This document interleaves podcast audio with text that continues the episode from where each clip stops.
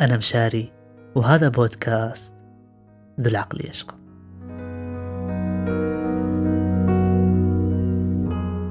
ذو العقل يشقى في النعيم بعقله وأخو الجهالة في الشقاوة ينعم. من بين الأسطر التي سطرها المتنبي سمي هذا البودكاست ذو العقل يشقى. ليس مجرد بودكاست لطرح الأفكار وإنما للبحث عن الشقاء الذي يكمن وراء هذه الفكرة. نحن من اخترنا الشقاء في النعيم بدلا من النعيم في الجهل. ومن هنا نبدأ.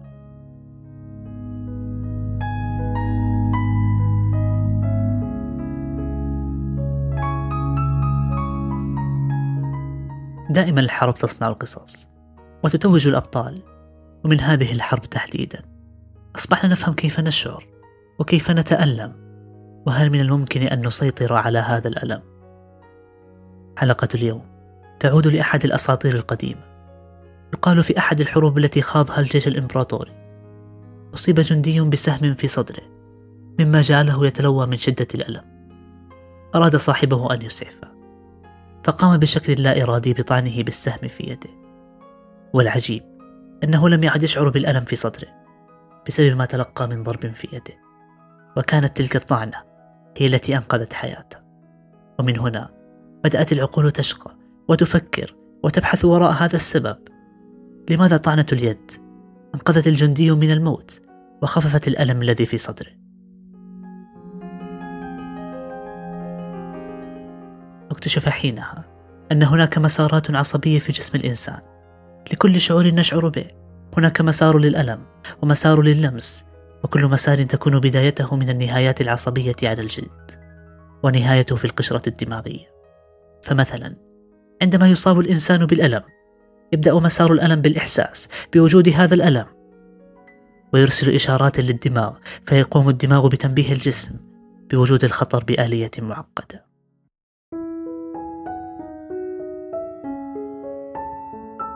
كان السؤال الذي طرحه العلماء إذا عرفنا كيف نشعر وكيف نتألم؟ فكيف من الممكن أن نسيطر على هذا الألم؟ فكانت الإجابة. الإجابة التي جاوب عليها صديقه. ذلك الجندي الذي دخل التاريخ ولم يدون اسمه.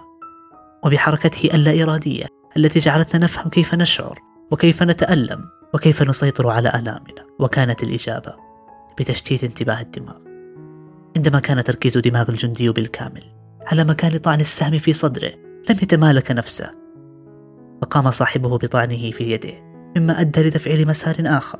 يرسل إشارات للدماغ فتقل سرعة استجابة الدماغ لمكان الألم الأساسي للضعف بسبب تفعيل مسار آخر. لنجعل الأمر سهلا ومبسطا.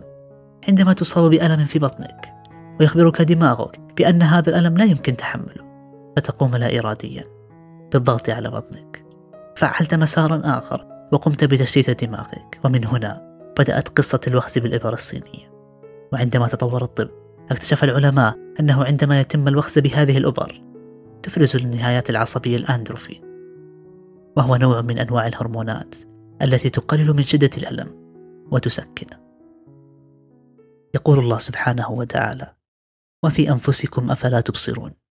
عندما ننظر للحياة من داخل أنفسنا ندرك صنع وبديع الخالق سبحانه. عندما نريد أن نفهم فلسفة الحياة ونريد أن نستوعبها ندرك حينها محدودية تفكيرنا ورؤيتنا المحدودة تجاه الأشياء وهل من الممكن أن تكون الحياة مشابهة لما في داخلك أيها الإنسان؟ هل من الممكن أن تكون الحياة مسارات ولكل شخص قصة ومسار خاص فيه؟ هل فكرة أن لكل شخص مسار خاص فيه عليه أن يجد وينطلق نحو القمة المشهودة له؟ وأيضا أن لكل منا مسار خاص فيه أنت مختلف عن أخيك عن صاحبك عن عائلتك. هناك بعض المحطات المتشابهة ولكن كل منكم يجري في مساره الخاص لتحقيق غايته وكل ميسر لما خلق له.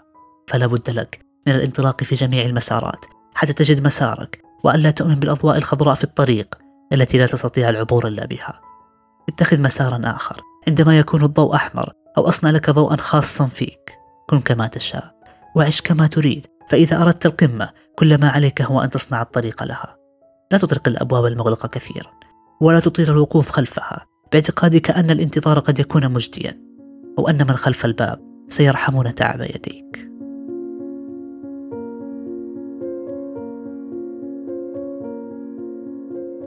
في فلسفة الحياة لا بد من الفراق والمسافات. ليس لمجرد الألم والمشاعر وإنما أيضا للتباين وأن يصل كل شخص إلى وجهته. كل منا له طريق خلق له ومسار خصص باسمه ليصل إلى قمته المشهودة له.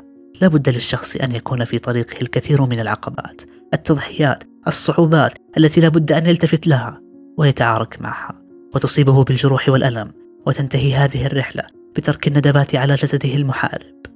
ولكن الجسد لا يستسلم. إذا كان خلفه روح عظيمة روح لا تعرف إلا طريقا واحدا وهو طريق النصر ولا يوجد في قاموسها. أي معنى للهزيمة؟ والمهم جدا أنه عندما تصل إلى قمتك لا تخفي تلك الندبات التي رسمها الطريق على جسدك. أظهرها وافتخر بها فوراء كل ندبة. قصة نجاح. علمتني أمي. في كل شر يكمل الخير وأن الإنسان خلق لما يسر له. فلا بد أن تستوعب كمية الخير في أي شيء حتى تنتصر على شره وتكمل مسيرتك في هذه الحياة. كل شيء بالتوكل على الله والاعتماد عليه يهون ويسهل. كنت أعتقد أن القمة لا تتسع للجميع ولا زلت أيقن بهذا الشيء ولكن الآن فهمت أن لكل شخص قمة تتسع له قد ينتصر على صعوبات الطريق ليصل لها وقد لا ينتصر. في مسارات الحياة لا يوجد هناك مسلمات. كل شيء قابل للتغيير والأغلب ليس جدير بالثقة. قد يكون مرحلة من مراحل حياتك وينتهي. قد لا تجد الأشخاص المناسبين في رحلتك. من يقدمون لك الرأي وتستطيع أن تشكيلهم وتأخذ برأيهم. عليك أن تجيد اختيار قلم ودون كل ما أردت فهناك أشخاص لا يجيدون الكتابة ولكن نبرة صوتهم المخيفة أثناء الحديث. جعلتهم يجيدونها على المرء أن يهدأ أحيانا. يفكر يخطط يعيد حساباته تجاه الحياة والأشخاص. يتقبل حقيقة أنه معرض للهجر والنسيان أن بعض الأشخاص والأماكن لا تناسب حياته ولا يتوافقون معه. ويتقبل فكرة أن بعض الأحلام لا تستحق كل هذا العناء وقد لا تتحقق لأنها لم تناسبه منذ البداية. في مسارات الحياة سيكون هناك الكثير من الحكايات. لا تترك تلك القصص في المحطات دونها اكتبها أوصفها حتى لا تفقد شعورها لأنه سيأتي اليوم الذي تحكيها لأحبائك بكل فخر. ولا تنسى أن تستمتع بكل لحظة. اصنع الفرح ما استطعت. انشر الطاقة الإيجابية. ابحث دائما عن السعادة. فقانون الجذب لا يخطئ ابدا. في مسارات الحياة سيكون هناك الكثير من الأصدقاء الرائعين من يرافقونك وحشه الطريق ويمسكون بيديك ويرشدونك للطريق الصحيح ويصنعون معك قصص النجاح ويحب حضور كل إنجازاتك. ويشهد الأيام الحنونة وهي تتوالى عليك. كن ممتنا لهم. هناك اقتباس يذكرني كثيرا بأصدقائي. أصدقائي الذين يتميزون بالعطاء. يقول لا تتوقف عن العطاء أبدا. فإذا وصلت إلى هدفك لا تنسى أن تهدي التائهين من بعدك لا للطريق بل للاكتشاف لا تمنحهم أثار أقدامك بل أسرار إقدامك. سهل عليهم صنع رحلتهم الخاصة. لو نظرنا لكينونة الحياة لوجدنا أنفسنا جميعا نشري. هذا يتخرج وذاك يتزوج والآخر ينجب وهذا يكتشف ويبتكر والآخر قد يكتب وينشر أفكاره ويلهم غيره. كل منا في مساره. يتمنى يحلم يخطط يبني الوصول لمبتغاه الحرب حربك والمسار مسارك وأنت وحدك لك حرية الاختيار.